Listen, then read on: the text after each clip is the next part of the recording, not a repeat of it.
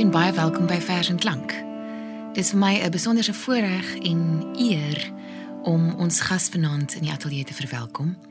Alipad van Pole, Jerzy Koch, vertaler, digter, akademikus en hoof van die afdeling Nederlandse en Suid-Afrikaanse Studies by die Adam Mickiewicz Universiteit in Poznań. Jerzy, baie welkom. Goeienaand, baie dankie. Hoe lank is jy nou al in Suid-Afrika? Ek het hier in uh, Julie aangekom. Ja, en dit is vir die eerste keer dat ek enkele maande en nie net 3, 4 weke hier bly. En wanneer was jou eerste besoek? Nog onder die ou bedeling omtrent. dit was uh, 1992 was 'n Nederlandistiek kongres op Potchefstroom die eerste keer na die boikotjare. Ja. Dat uh, die Nederlandse Taalunie 'n Nederlandistiek kongres hier finansiëel gesteun het. En dit was vir mense in Suid-Afrika baie belangrik dat daar ook mense kom van oorsee en nie net Vlamings of Nederlanders. En ek was uh, omtrent 2 maande na my uh, PhD verdediging in België. En uh, ja, wat sou ek sê, die 'n nuwe wêreld het opgegaan en ek het toe gedink hoekom nie uh iets anders. Maar ek het ook altyd in die koloniale Nederlandse letterkunde belang gestel. Met ander woorde, die die stap na na Afrikaans, na Suid-Afrika was groot, maar nie so groot dat dit heeltemal iets vreemds vir my was nie. Maar ek wil net hê die die die luisteraars moet moet weet en dit uh, dan ook hoor so ehm um, dat Afrikaans jou vierde taal is. Ja. Jy is wat menige mense noem 'n Poolse polyglot. 'n 'n 'n kenner van van vele tale. Ja, ek het net twee tale bestudeer en dit was Duits en Nederlands. Ek het op skool Russies gehad 8 jaar, maar dit was nie 'n baie intensiewe kursus nie. Uh ek uh, ek kan Russies volg maar baie stadig praat. Engels het ek nooit geleer nie of nooit goed geleer nie en ek beheers die taal nie goed nie. Uh ja, en dan het ek uh Afrikaans geleer. Ek sê altyd al strykende omdat ek na bandjies geluister het wat vriende vir my gestuur het en uh vir my twee seuns en vir my familie het ek uh stryk gebruik. al strykende. ja. maar dit is nie te onalgemeen dat iemand 'n vele ander tale kan lees nie, maar om dit te praat, om die om die taal te kan praat en te kan kommunikeer daarin. En dan het jy nou nog 'n stapie verder gegaan. Jy het 'n digbundel in Afrikaans gepubliseer. Dit is byna Lady uitgegee en van die oomblik wat ek die digbundel se titel gehoor het, was ek al klaar geïnteresseerd. Wanneer het hierdie titel by jou opgekom? Pleks van plaas. Pleks van plaas is 'n titel van een van die gedigte. Ehm uh, hoe ouer ek word, hoe beter ek verstaan dat daardie vakansie op die plaas by my ouma en by my oom baie belangrik was vir my. Eh uh, en dit was vir jare en uh my broer en ek en twee neefies daar het daar vir 4, 5, 6 weke saam gewerk saam, gebaljaar, uh gekuier. Uh met ander woorde, ek dink daardie uh tyd midde van oes baie werk in uh, Julie in Pole. Dit was gewoonlik Junie en Julie, 'n partykeer begin Augustus. Ehm die werk en die ook waardering vir uh, die gewone werk op die op die land, op die veld dit is iets wat uh, wat belangrik is dink ek.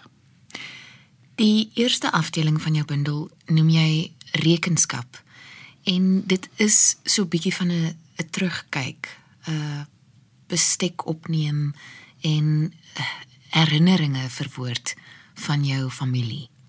Sal jy vir ons een van die gedigte uit hierdie afdeling voorlees en jy's baie welkom om om iets daaroor te sê as jy sou wou. Huisie Ek reis na die ver verlede vasteland. Ek soek die lang vergete aardkluit op, karteer die landskap en vind 'n tafereel in die verbeelding van die koorsige kind. Wat oorbly en aanhou is die smaak van melk wat ouma volgens die ou resep toeberei en na die sieke bring. Warm melk met heuning se geur en knoffel. In die beeld staan ek op die bed. Dis sag. Ek wankel. Ek lê my hand op haar skouer, omhels haar en nader versigtig met my mond die beker. Ek begin saggies slurp aan die gode drank. Melk versoet met wilde heuning, gekruie met knoffel.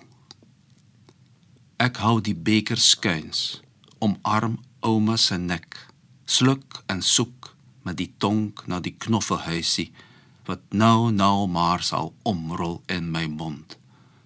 In die ver verlede landskap vloei melk en. Ja, dit is lieflik. En mens proe amper die die nostalgie, die herinnering en hierdie beeldrykheid wat in vele van jou gedigte sy opvagting maak. Dis regtig mooi.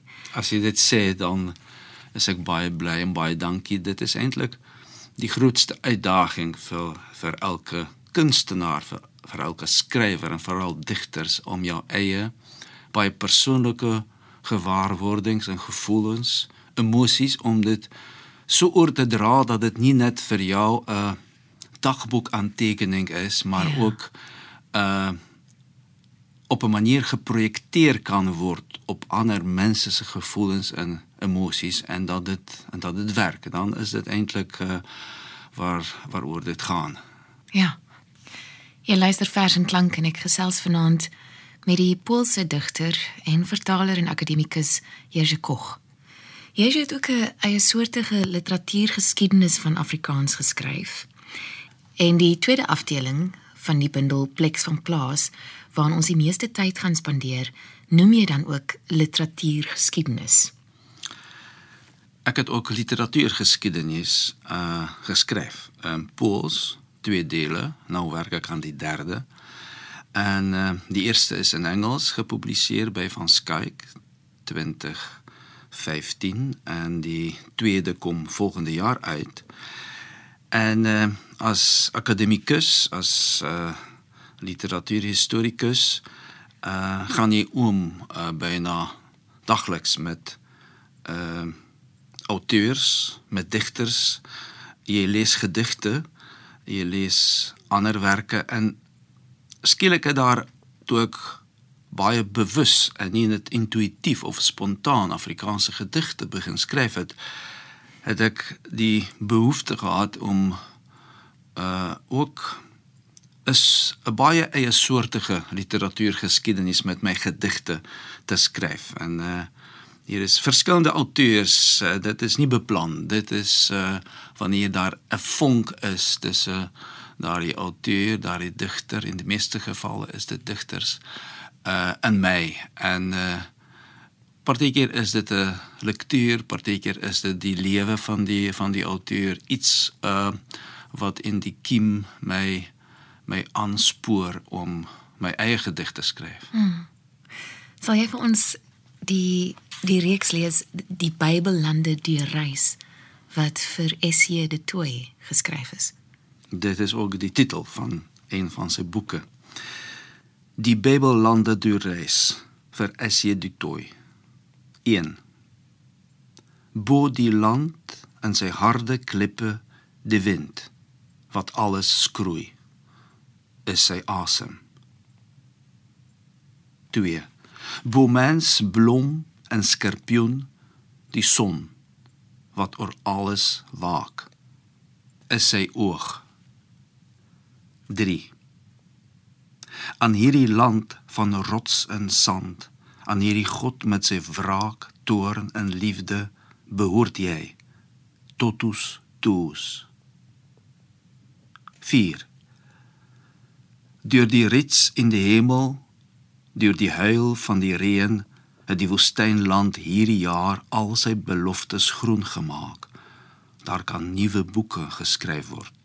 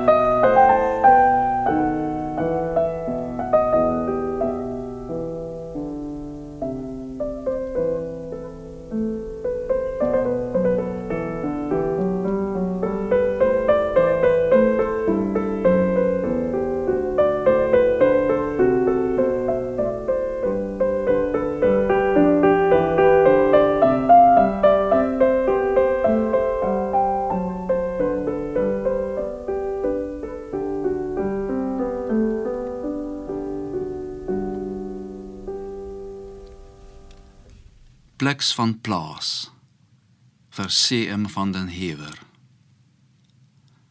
Dit is my geheue, gegolf soos pasrelief, veranderlik en verraderlik. Seniel veg ek vir asem, woord in versoening van als.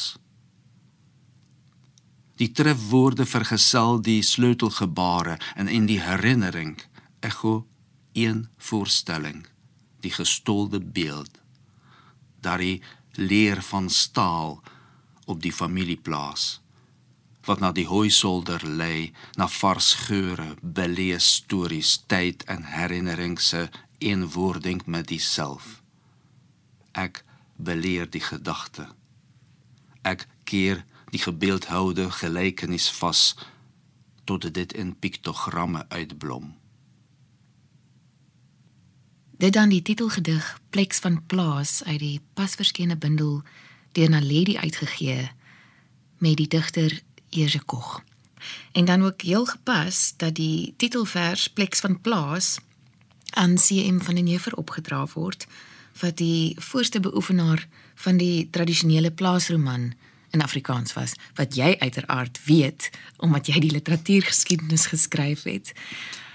Eers wat jou liefde vir die die landskap begin. Nie net die taal nie, die die landskap want jy keer gereeld terug.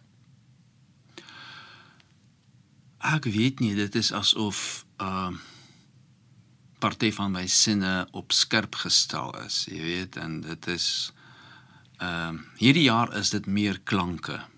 Uh, ek weet nie hoekom.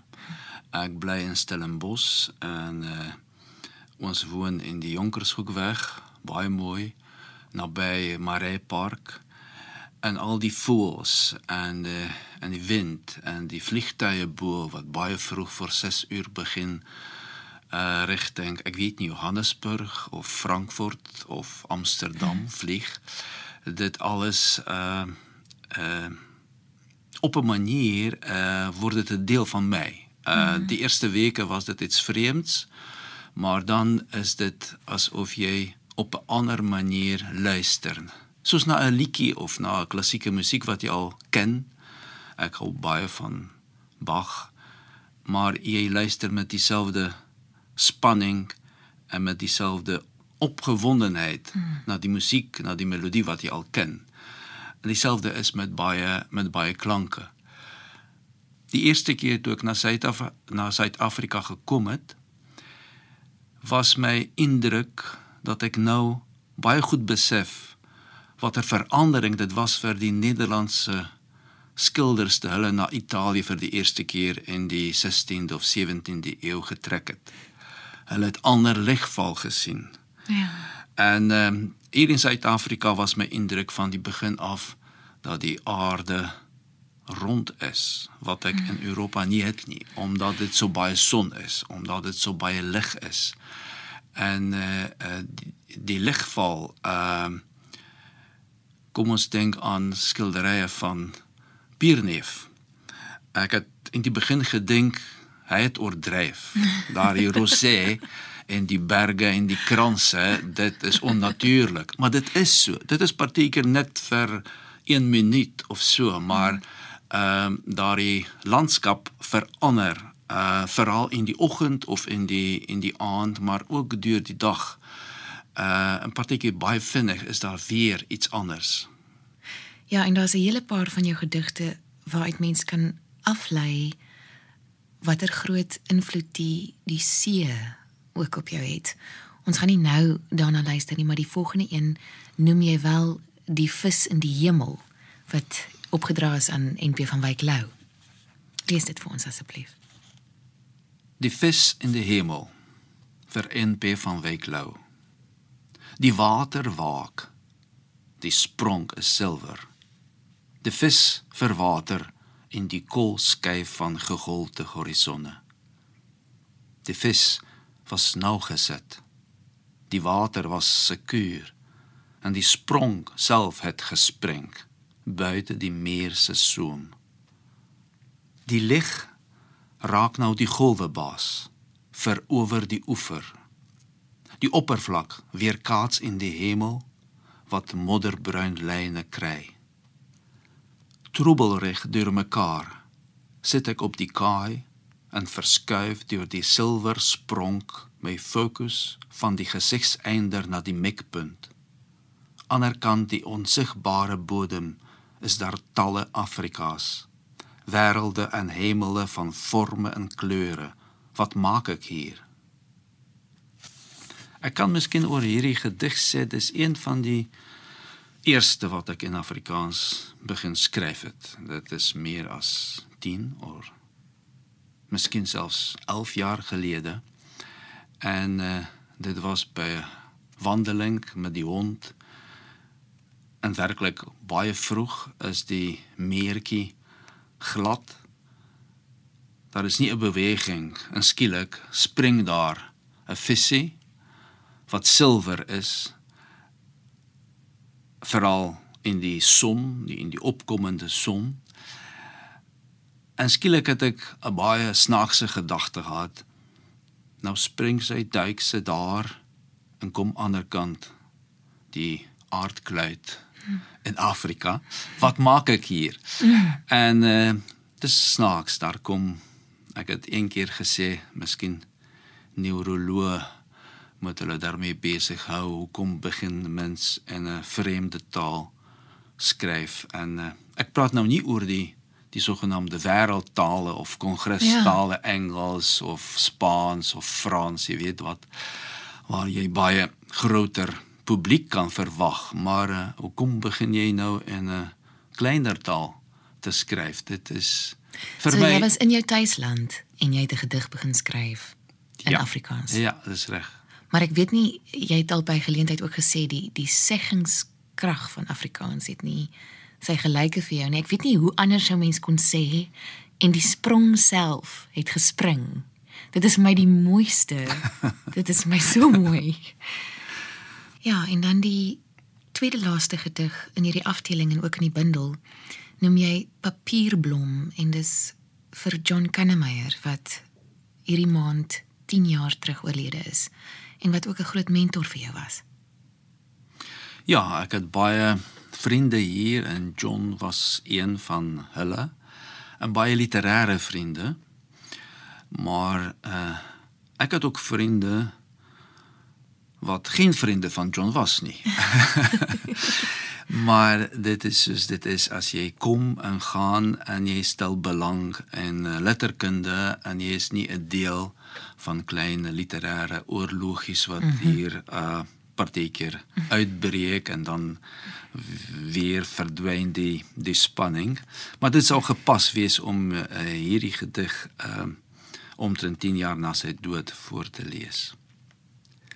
Papierblom vir John Kannemeyer. Toe hulle die deur oopbreek stroom hulle deur klein gangetjies wat tussen die kordate boekrakke in kombinasie meubels ontstaan het na binne. Die voorste bruin brandweerman wat die eerste in die slaapkamer kom, sien hom lê op sy bed. 'n Wit man van postuur, onderdaan van statuur op sy eie, daar weerloos soos 'n gevalle olifant. Lyk die halfgeopende mond na 'n swart wond en gaap dit donkerder want donkerder is die bloed wat uitstroom nadat dit die olifantsgehoor eers vertroebel het om daarna finaal uit te wis wonder die voorste brandweerman terwyl die ander met die draagbaar manoeuvreer en hy vir 'n oomblik die man se kaalkop bebloede wang en gapende mond van dichtby betrag, denk hy instinktief aan die heftige kleur van bougainvilleas teen die wit kalk van sy eie huis. Of soos sy vrou altyd sê papierblom. Wanneer hy sy blik van die katel afwend sien hy skielik dat die hele huis vol boeke geprop is, muurkaste, staankaste, hoekkaste en hy aanskou die baie broos papier voor hulle weggaan.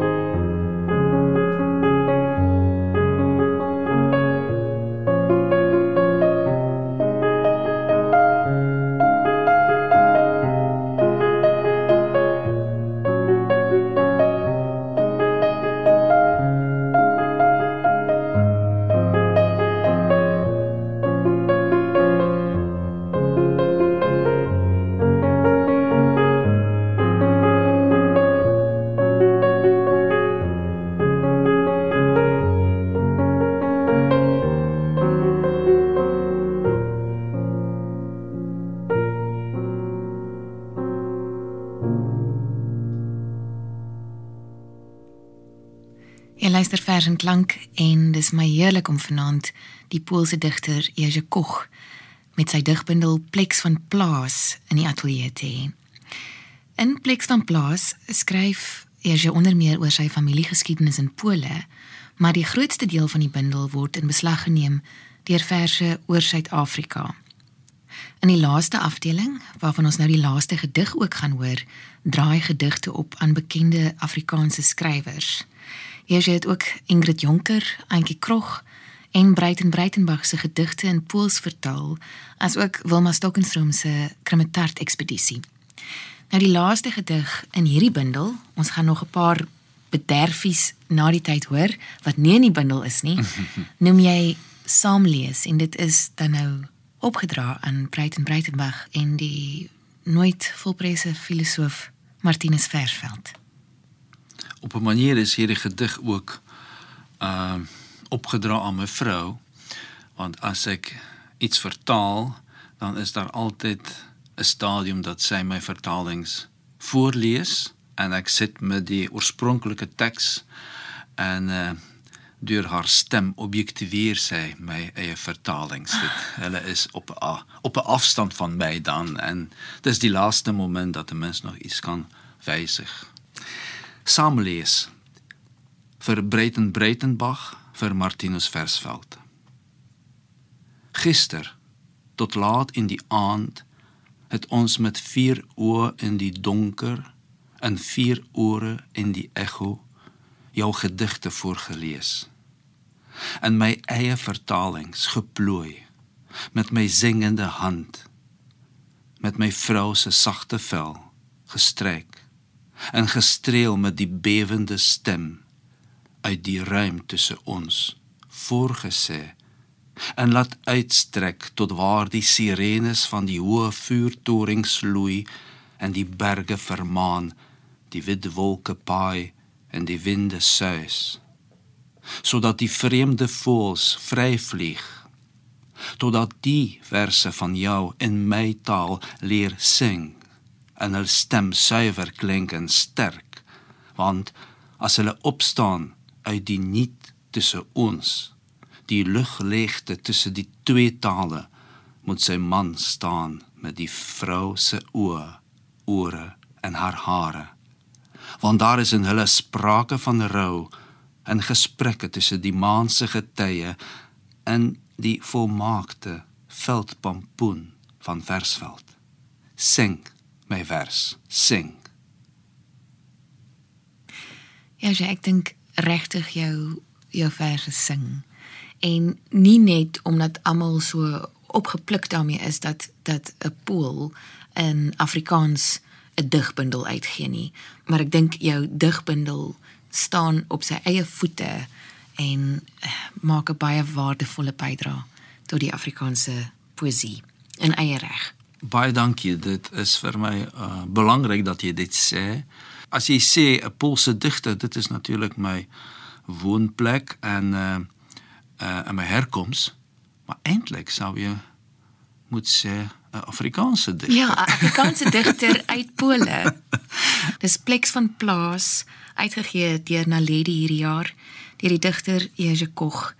Baie dankie Jerzy. En dan ehm um, wil ons nie te veel weggee van al jou ongepubliseerde gedigte op hierdie stadium nie, maar as jy net vir ons so een of twee daarvan kan lees, sal dit wonderlik wees. Ja, uh Dankie. Ek gaan hier 'n paar gedigte voorlees uit die bundel wat nog in wording is. Ehm en daar is daar sou seker uh, afdeling wees literatuurgeskiedenis voortsetting van die afdeling wat in die eerste digbundel kom as die tweede uitgegee word hmm. ons weet dit nog nie teater van 'n geskoopte gedig vir Pieter Fourie 'n vers is 'n stuk teater wat hom afspeel op die verhoog van die pas die dun steel paadjie lei na die skouberg waar die kranse en geslote geledere die ekko weergaan, maar harde hange by die skerp draaie skielik die stem smoor. Voor die woorde die tong tref, swel die keel van klanke dig en jy leer hoe om met sagter stem jou slagsinne uit te spreek. Hoe om die tonnel uit te kap in die rots van vervreemde taal. Jy beweeg stadiger, maar vorder verder na die ligpunt ander kant die toneel waar spraak en soeye vertroulik omgaan in die glooiings van 'n gedig waarde verleen aan verwaarloosde woorde. 'n Vers is 'n stuk wat hom afspeel in die vallei van verlatenheid. Hier in die amfitheater neem idiome hul desolate intrek en stuur jou reël reg van waar swart op wit staan na die res van die onbeskrewe taal so trek die vers die strik van woordvolgorde styf. Jy knoop kommas aan karakters vas in plaas punte tussen. Jy nestel verse teen die reëls en jy leer strepe trek deur jou gedagtes spasies laat dan los jy die stiltes in wit reëls terwyl in die afgeleë ruimtes die onbewoonde beletsel teken jou woorde sluk. Dit dan 'n uh, eh, teater van 'n geskipte gedig opgedra aan 'n uh, teaterlegende in ons land, Pieter Fourie. Is jy nog een asseblief? Waarmee gaan jy afsluit? Ek gaan afsluit omdat dit aand is met wakker word in Afrikaans. wakker word in Afrikaans. Voor jy begin, okay. jy wil ek graag vir jou vra, daar's op jou bundel omslag in plek van plaas, is daar as ek dit nie mis het nie twee Hadidas. Dis reg. En jy skryf menigmal in hierdie bundel en dan ook in die gedig wat jy nou gaan voorlees oor Hadidas. Wat is jou fascinasie met met Adidas en kom hulle op enige ander plek voor? Ehm um, hulle is tipies vir Afrika hmm. en nie vir ander dele van die wêreld. Ek weet nie, miskien is daar 'n obsessie met hierdie voels en uh ek kan dit ek kan dit nie verklaar nie, maar hulle is so eie aan aan Suid-Afrika. En is daar ook dalk 'n tipe eh, heiligheid betrokke aan hulle want my jongste wat 2 is, Hy sê nou die dag vir my, hy gaan vir my die Hadida liedjie sing. Toe sing hy Stille nag. Hadida. en toe maak hy seker Hadida geluid. ja, ja. Nou die kersnader. Ehm um, ja, nee, dit is eintlik die heilige vol in Egipte in die in die antieke tyd. Ah. Wel, daar kry ons nou sommer 'n 'n les in ons eie Hadidas ook deur die Poolse poliglot Jerzy Koch. Ek het jou van jou storie af wakker word in Afrikaans. Die eerste is altyd twee Hadidas wat skreeu om die donker se laaste flinters te intimideer. Dan skakel die engine aan en ondergrond word die water gesuig en 'n oomblik voor die vloeistof in die leiding begin hoes en maalstroom ril die pype metalliek teen die klippe wat die eerste rivier eeue lank uit die berge laat rol het en met ingespoelde grond en kvasterige stompe met gevlamde hout oordek het. En dan word die gedig daardie onbeantwoorde vers van gisteraand 'n waterdigte ding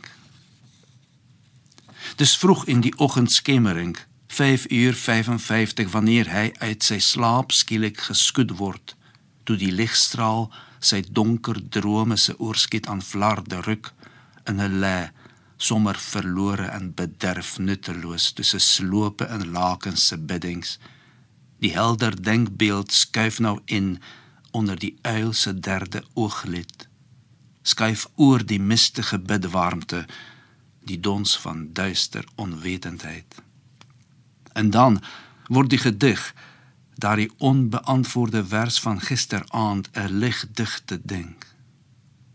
Die kwelende, kweterende en kwinkelerende vols vul die lug pointillisties in. En nog voor die komposisie klaar is en die hemel behang met volson verword alle dinge en wat nog sag was in die nag word skerp en in die daglig kruip alles uit sy kamouflage herwin die ou en verkry nuwe forme, vergestalt, verwerklik sodat die helder denkbeeld gebore word en alles wat lenig was word luid en woorde begin straal en dwarrel stroom gogga en kwagga bugu kudu en kama gamka karos en kiri. En dan word die gedig daardie onbeantwoorde vers van gisteraand 'n rotsvaste ding dit dan die stem en die woorde van Jerzy Koch 'n nou Afrikaanse digter uit Pole. Jerzy, wat 'n wat 'n voorreg, wat 'n wat 'n lekkerte om jou hier in die ateljee te kon hê. Baie dankie. Baie dankie en baie dankie vir die taal vir Afrikaans. Dankie. Hoe kan ek nou verantwoordelikheid neem vir daai dankie? Hoe kan ek sê plesier? Plex van Plaas en nog gedigte waarna ons baie uitsien dalk vir 'n volgende uitgawe deur Jesje Koch. Van my, Frida en Jesje vanaand, 'n mooi aand vir jou.